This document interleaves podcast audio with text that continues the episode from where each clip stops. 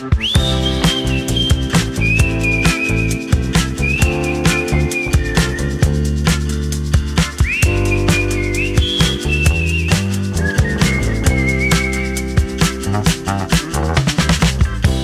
dia, Sílvia. Bon dia! Com estàs? Molt bé. I tu, Andreu? Molt bé, content que ja siguem a l'abril. Sí, fa molt més bon temps. A més a més, ara ja tenim una hora més. Sí, i aquest mes de març han passat moltes coses, hem, hem tingut molta activitat, molts projectes, i ha estat molt bé, però saps quan tens moltes coses a la ment, moltes coses en curs, i tens ganes de, de deixar-les ja fetes? hagin passat. Però és que saps què passa? Que jo crec que cada mes tindrem coses per fer. Llavors... Mm... No, sí, sí, això és clar, però, però aquest mes de març ha sigut força intens. Bé, abans d'explicar de, una de les coses que vam fer el mes passat, deixa'm que et posi un dels missatges que hem rebut d'àudio. En aquest cas és de l'Ariel. Hola Sílvia, hola Andreu, bon dia, el meu nom és Ariel, soc cubà, Vic als Estats Units fa 28 anys i vaig començar a estudiar la llengua català fa 5 mesos. La raó per la qual vaig començar a estudiar la llengua català és perquè una part de la meva família viu a Catalunya i pues res, que la primera vegada que vaig visitar-los me vaig enamorar de la ciutat de Barcelona, que penso que és molt bonica, de la gent, gent molt bonica, i per descomptat, de la llengua català que no sé por qué, pero me, me agrada muchísimo. Volía donarlos las gracias, no solamente al Andreu y a la Sílvia per la feina meravellosa que fan, però també a tot l'equip de Easy Catalan, perquè en la meva opinió és el podcast, el, el millor podcast per aprendre oh. una llengua una llengua nova en Spotify. Una altra vegada. Bé, l'àudio es va quedar tallat aquí, Mm -hmm. Però bé, carai, moltes gràcies, Ariel. Cinc oh, mesos aprenent el català. Sí. I moltíssimes gràcies pel que dius. I tant. No sabem si és el millor podcast per aprendre català, no sé. però en qualsevol cas ho fem amb tot eh, el millor que sabem. Sí, això segur, això segur. Tan bé com podem, sense ser professionals de l'audiovisual, mm. però intentem posar-hi tot l'esforç per fer un, al final un recurs que us serveixi per això, per aprendre el català. Doncs una informació que ha de saber l'Ariel i també tots els oients que ens esteu sentint ara mateix és que si us feu membres de la comunitat podreu accedir a l'ajuda de vocabulari, que és molt important. No sé si l'heu vist mai, però és una eina molt útil i que us pot servir moltíssim en, la vostra, en el vostre aprenentatge de la llengua. Exacte. Si encara no ho heu vist, fixeu-vos per exemple, l'aplicació que feu servir per escoltar el podcast o a YouTube mateix, al canal Easy Catalan Podcast, en els primers 4 o 5 minuts, normalment són 5 minuts, veureu que ja a la pantalla apareixen paraules que són les paraules més importants de cada minut i la traducció a l'anglès. La traducció a l'anglès en aquell context determinat, clar. Però bé, això pensem que és una ajuda molt important i molt útil si doncs, encara teniu un nivell inicial, encara no esteu familiaritzats amb algunes paraules o fins i tot si de tant en tant la Sílvia i jo deixem anar una paraulota aquí, una paraula ben estranya, que no la sap ningú, perquè tu, Sílvia, a vegades dius alguna paraula que jo tampoc conec. Alguna vegada n'han dit silviades, crec que... que, que silviades, silvianismes. Silvianismes, això, silvianismes. Bé, doncs no només l'ajuda de vocabulari, també teniu tota la transcripció sencera per no perdre-us ni una sola paraula de les que diem i molts altres avantatges, així que no us ho penseu més i entreu a easycatalan.org barra membership i us esperem a la comunitat. Som-hi! Tema del dia. Doncs, com he dit abans, al mes de març van passar moltes coses, vam anar a Mallorca, ja en parlarem, però també vam fer una calçotada amb Easy Catalan. Ui, sí, una calçotada. I no només vam fer una calçotada amb Easy Catalan, vam fer una calçotada amb l'acid... A veure si ho dic bé. Aci, acito, aciticocat. As, asoticocat. As, asoticocat. Bé, és una associació de costarriquenys que viuen a Catalunya. Aquesta associació la coneixem a través del Kevin, que és, bé, l'heu pogut veure en el vídeo que ha sortit publicat aquesta setmana sobre la calçotada. El Kevin és costarriqueny, viu a Barcelona des de fa un temps i ha après el català, entre d'altres, amb, amb nosaltres, amb Easy. Catalan.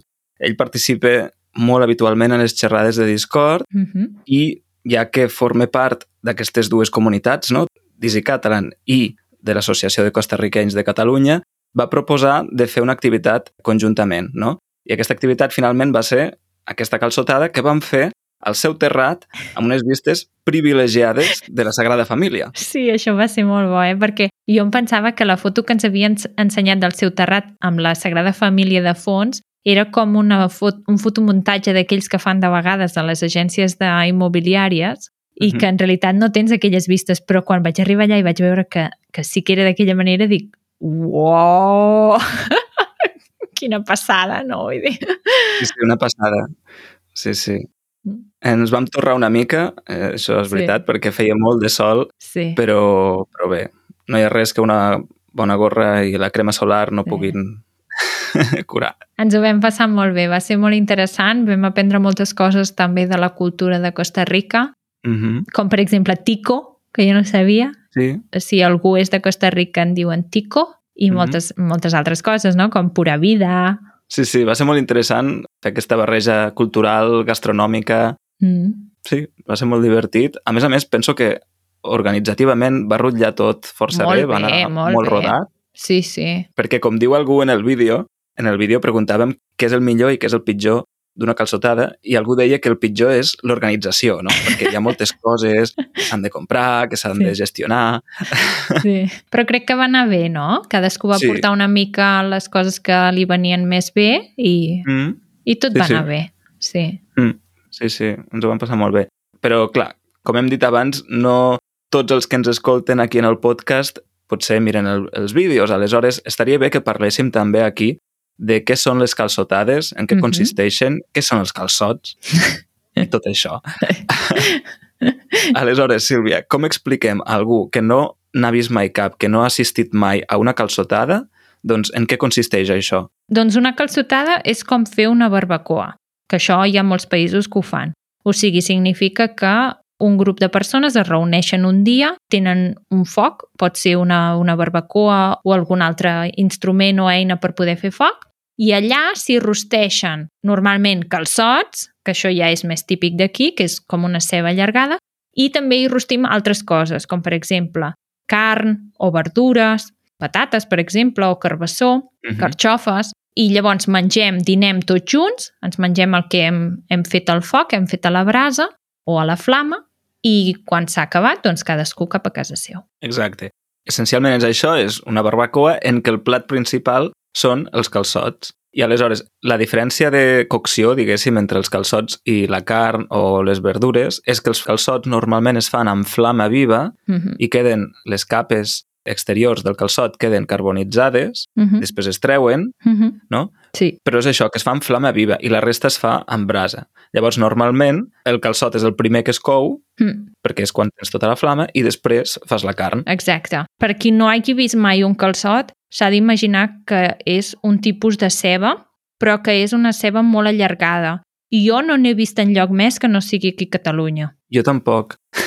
I de fet, bé, intentaré explicar-ho molt breument, però tinc una anècdota, que és que quan vaig viure a Letònia, una alumna meva, jo feia classes d'idioma allà, Mm -hmm.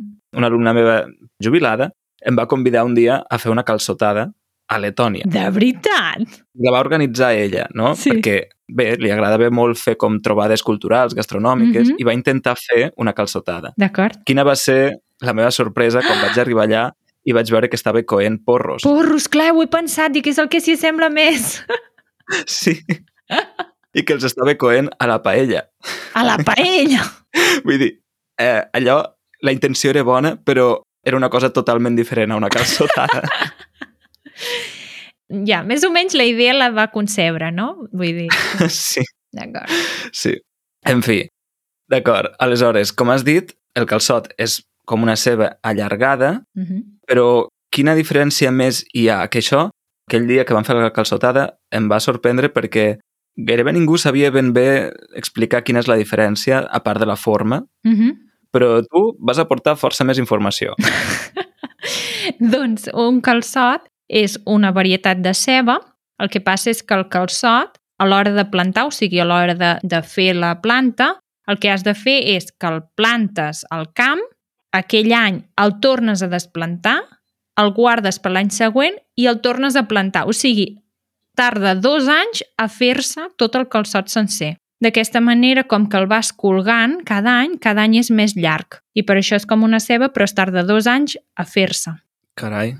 Doncs encara són prou econòmics per tot el procés, no? Sí, per tota la feina que porten, exacte, sí. Uh -huh. Aquí a casa n'havíem fet algun any, però és massa feina. Mm. És massa feina. Carai, Mm. déu-n'hi-do. Molt bé, aleshores, la següent pregunta que vam fer en el vídeo i que fem ara aquí també és t'agraden els calçots? A mi no m'agraden. Sílvia, però què dius? Com et poden no agradar els calçots? Jo, jo vaig ser una mica la hater del vídeo perquè és que, és que no m'agraden, no en menjo. Vull dir, no. Em sap greu, però no. Saps que crec que ets la primera persona que conec que no en menja? Ui, no, jo he anat a moltes calçotades i eren bastants que no menjàvem calçots, eh, vull dir. Sí? Sí, sí, sí. Uau. No sé. A mi és que m'agraden tant. Però tant. És que som els extrems oposats, Andreu. Tu moltíssim i a mi gens ni mica. És que a mi em diuen calçots, calçotada, i, i se m'il·luminen els ulls. O sigui, és com... Felicitat. D'acord, aleshores, clar, a la següent pregunta, que és quants calçots ets capaç de menjar-te en una calçotada, la teva resposta és zero. Cap, Mm -hmm, cap. cap. Exacte, zero. Mm. Doncs jo sóc de, del club de, a partir de 20, de 20 cap amunt. I a mi no em molesta gens, o sigui, és que no tinc cap mena de problema d'anar calçotades i no menjar calçots. Vull dir, com hem explicat al principi, quan tu vas a una calçotada hi ha moltes altres coses per menjar, com per exemple pa torrat o pa amb tomaca, Mm. hi ha verdures, hi ha carn, postres... Sí, sí, sí. Aleshores, l'altra cosa és què és el millor i què és el pitjor de la calçotada? Per tu què és el millor? El millor és trobar-se amb la gent, no? Vull dir, Mm -hmm.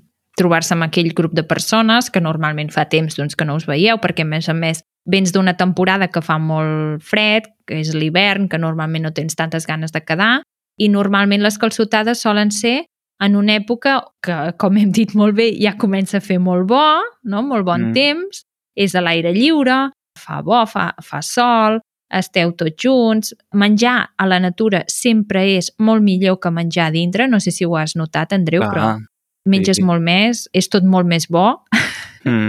fins i tot quan vas a fer un pícnic, i crec que això és el millor. Mm. Per mi el millor és l'esdeveniment social, òbviament, perquè et retrobes... Per exemple, jo, els amics de Lleida, els veig poc i una de les poques vegades que els veig a tots, diguem, com a grup, és en la calçotada que fem cada any, no? Mm -hmm. Aleshores, òbviament, la part social és el més important. Després, en segon lloc, potser vindria la salsa i els calçots, que són molt bons. I una cosa que no va sortir en el vídeo, però que és brutal de la calçotada, és un cop has acabat de menjar i tens les mans super brutes, doncs el moment de netejar-te-les i de tornar a tenir les mans netes i recuperar-les, saps? I dir, ah, que bé. Torno a tenir mans. Ai, Andreu, per favor. És veritat, és un bon moment. Sí, sí. I el pitjor, jo crec que un, una de les pitjors parts potser és, coincidiria amb, amb això de l'organització, perquè sempre Mm. fa una mica de, de pal, no? Coordinar-ho tot, i al final sempre falta alguna cosa o... Bé, pot ser, Mm. pot ser la part més, més feixuga. Mm. Molt bé, hem comentat aquestes, aquests punts, però hi ha altres qüestions relatives a les calçotades que no van sortir en el vídeo i que crec que són importants de comentar aquí. Vinga. Per exemple, una qüestió que per mi és clau, que és la diferència entre la salsa romesco i la salsa calçots. Ja hi som. Perquè molta gent diu, molta gent diu que són iguals o que és la mateixa salsa o Clar, que no, hi no- ha cap diferència. No, no diuen això, Andreu. És que hi ha molta gent que no sap que hi ha dues coses diferents. Clar. Pensen que tot és el mateix, vull dir. Clar, clar, clar. Però aquí nosaltres hem vingut aquí a dir que no, que la salsa romesco és una cosa i la salsa calçots és una altra. Que tampoc són tan diferents, eh? Vull dir... No, no són tan diferents. A veure, és veritat, són salses molt semblants, segurament una ve de l'altra, com que jo no sóc expert en gastronomia, doncs no, no et sabria dir quina va néixer primer, els ingredients principals són els mateixos, que són alls escalivats, ametlles torrades, avellanes torrades, tomata, també escalivada, oli d'oliva, pa sec i nyora. Pa sec no, eh? Pa torrat. Sí, també es pot fer en pa sec. Ah, no sé. D'acord. Sí, pa sec o... Sí, Mhm. pa torrat. Aleshores, quina diferència hi ha? O quines diferències hi ha? Que sàpigues tu. Quines diferències hi ha? Hmm. Doncs eh, jo crec que... bueno, la meva mare, per exemple, no hi posa nyores a la salsa de calçots. A la salsa de calçots, d'acord? Uh -huh. Hi posa tomàquets escalivats. Tomàquets d'aquests de suc a pa escalivats. D'acord. Jo m'he documentat, perquè per mi aquest és un tema important i calia documentar-se, i he buscat a veure quines eren totes les diferències, no? Hi ha una pàgina web que es diu calçots.com i allà diuen que la salsa de romesco, és a dir, la, la diferència principal és l'ús, no? I és que la salsa de calçots, doncs, òbviament és per acompanyar els calçots, i la salsa romesco tradicionalment s'ha utilitzat per acompanyar el marisc o peix, alguns plats de peix o marisc Mm. i és originària de Tarragona. Que Tarragona, doncs, Mm. mm. com a ciutat portuària, Clar. doncs és un lloc on, on hi ha peix i mm. -hmm. això, no? Aleshores, com que de salsa romesco se'n menja en menys quantitat, o dit al revés, de calçots, de salsa calçots en mengem més, mm Mm -hmm. -hmm. ha de ser una salsa més lleugera, D'acord. no? que no sigui, no sigui tan forta. Tan farragosa, no? Exacte, i per això el romesco pot portar vinagre i la salsa de calçots normalment no en porta, mm -hmm. tot i que és opcional, se'n pot posar, però no, normalment no.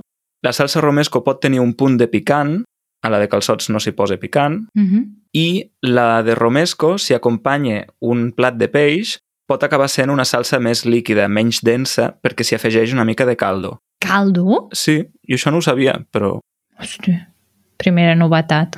D'acord. sí. I aquestes serien les principals diferències. A més a més, a la salsa de calçots s'hi pot posar julivert opcionalment. Jo no n'he posat mai. No ho he vist mai, això. Però bé, jo crec que, que la diferència és això, l'ús, el menjar al qual acompanyen i la intensitat del gust. Mm -hmm. Molt bé. Hm. Una altra cosa, la temporada de calçots. Quan es mengen els calçots? Clar, normalment és a finals de- d'hivern, principis de primavera. Uh -huh. Això significa que depèn de la temporada, pot començar abans o després, però febrer, març, abril, doncs és època d'anar a fer calçotades. Exacte. Jo crec que des de finals de gener fins a principis d'abril, més o menys, seria la temporada. Mm, Sí. sí. Per tant, ara, ara que som a l'abril, ja, ja està, ja s'acaba. Ja s'acaba això. I el lloc on hauríem d'anar a tastar els calçots, com si diguéssim, el lloc que és més tradicional, és tota la zona de Valls, Uh -huh. i fins i tot fan un concurs de menjar calçots. Sí, a Valls, correcte. Mm -hmm. Tant si és a Valls com si no, el que és, penso, important és fer una calçotada a l'exterior, com deies abans, perquè sí que es poden Mhm. menjar en un restaurant, hi ha restaurants que fan calçots i llavors pots anar allà i te'ls serveixen a taula, Mm. però, com hem dit, una calçotada és un esdeveniment social que va més enllà del simple fet de menjar els calçots, sinó que és l'estona que passes conjuntament Mm mentre els prepares, el vermut i l'estona de després, no? Mm, sí, sí, totalment. Que sol ser com tota una jornada. Comences al matí i pots acabar vés a saber quina hora. Sí, això em va passar la primera vegada que vam anar a una calçotada d'uns amics nostres, perquè era la primera vegada que organitzaven una calçotada Uh -huh. i jo també era la primera vegada que anava a casa d'aquests amics, Uh -huh. perquè eren uns amics d'uns meus amics, vull dir, no, no érem amics directes, com si diguéssim. Mm, I vam quedar com si diguéssim a la una. D'acord. I a la una encara no havien fet foc ni havien fet res. I eren gent que no havien fet un foc a la seva vida. És que típic. Quan eren les 3, jo m'estava morint de gana, Uh -huh. no hi havia res a punt, em vaig aixecar i vaig dir, s'ha acabat, aparteu-vos! I llavors vaig fer foc i va, vam coure-ho tot, però vull dir, vaig tenir paciència, eh? Fixa't. Vull dir, fins a les 3 vaig aguantar. A partir d'aquí ja vaig dir, s'ha acabat. Vinga. Clar, jo ja porto unes quantes calçotades, o sigui, fetes per mi, diguéssim, o sigui, eh, m'he posat els guants i, i he fet jo els calçots diverses vegades i ja tinc els tempos controlats, no? Llavors, per això, per això aquell dia, a casa del Kevin, doncs vaig dir-li, d'acord, hem quedat a les 12, doncs jo vindré a les 11 i ja em posaré a preparar els Mm. calçots. Mm, sí, sí. O sigui, aquesta vegada va anar perfecte, ja et dic. Però la primera vegada amb aquests amics sí que la recordo com a una, un fet memorable i tots ho recordem, eh? Sempre, sempre els hi ha fet molta gràcia. que bo. Molt bé, doncs Sílvia, hi ha un parell de qüestions més relacionades amb, amb els calçots i són dos temes pel que fa a la part més bruta, més bruta dels calçots, Mm -hmm. del durant i el després, d'acord? Però d'això en parlarem al bonus, d'acord? D'això en parlarem al bonus i ara passarem a... Taller de llengua. Molt bé, Sílvia, en aquestes preguntes que vam fer en el vídeo i que hem fet avui, Mm -hmm. hem pogut sentir algunes de les partícules de negació, perquè, bé, els calçots a molts ens agraden, ens apassionen, però, i tu n'ets la prova, no a tothom li agraden. No. I donen una resposta negativa a algunes d'aquestes preguntes, no? Mm -hmm. Aleshores, en català, la partícula negativa per excel·lència, quina és? No. No. Simplement. Exacte. Com utilitzem el no? Doncs pot ser una resposta negativa quan algú et fa una pregunta directa, com pot ser t'agraden els calçots? I la resposta és no, no m'agraden. Correcte, no m'agraden. És a dir, pot ser una resposta per si sola, no, o no, coma, no m'agraden. Mm -hmm. És a dir, que sempre l'utilitzem davant del verb. Jo crec que sí. Podem fer algunes frases d'exemple a veure si sempre es compleix. Sí, per exemple, no he menjat mai calçots a Letònia. Molt bé. No sé quants calçots puc menjar. Em sap greu, però no puc venir a la calçotada. Oh... Un altre que s'ha fet enrere. D'acord. No tinc límit a l'hora de menjar calçots. Per tant, aquest és l'ús més bàsic de la negació en català, però hi ha altres partícules que són molt habituals, no? De fet, en l'entrevista que vam fer a la Sònia, ella va comentar el pas, Mm -hmm. que actualment és més una partícula enfàtica, no? quan volem donar més èmfasi a una negació Exacte. i posem el pas. No ho sé pas. Quants calçots has menjat? Ui, no ho sé pas, però molts. o a vegades ho fem servir quan estem com enfadats, no? Per exemple, ui, no, jo això no ho he dit pas, això ho ha dit ell. Sí, també. també és veritat. Sí, sí. I moltes vegades també tenim la doble negació, no?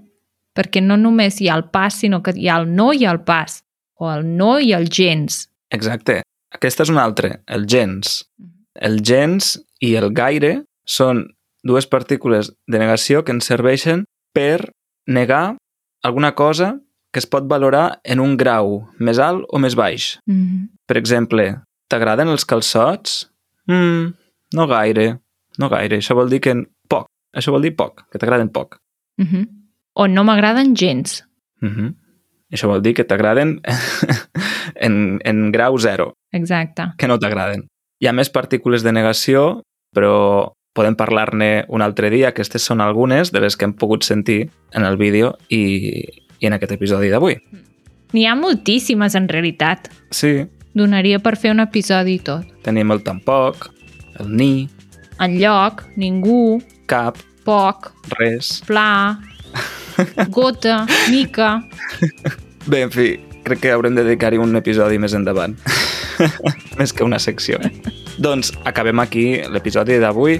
Si heu arribat fins aquí, moltes gràcies a tots els que ens escolteu, a tots els que ens doneu suport a través de la plataforma. Si encara no ho feu, recordeu que ho podeu fer a través de easycatalan.org barra membership i també donem gràcies al Departament d'Empresa i Treball de la Generalitat de Catalunya. I a tothom, a tothom li donem les gràcies. Vinga, doncs, que vagi molt bé. Adeu. Adeu, adeu.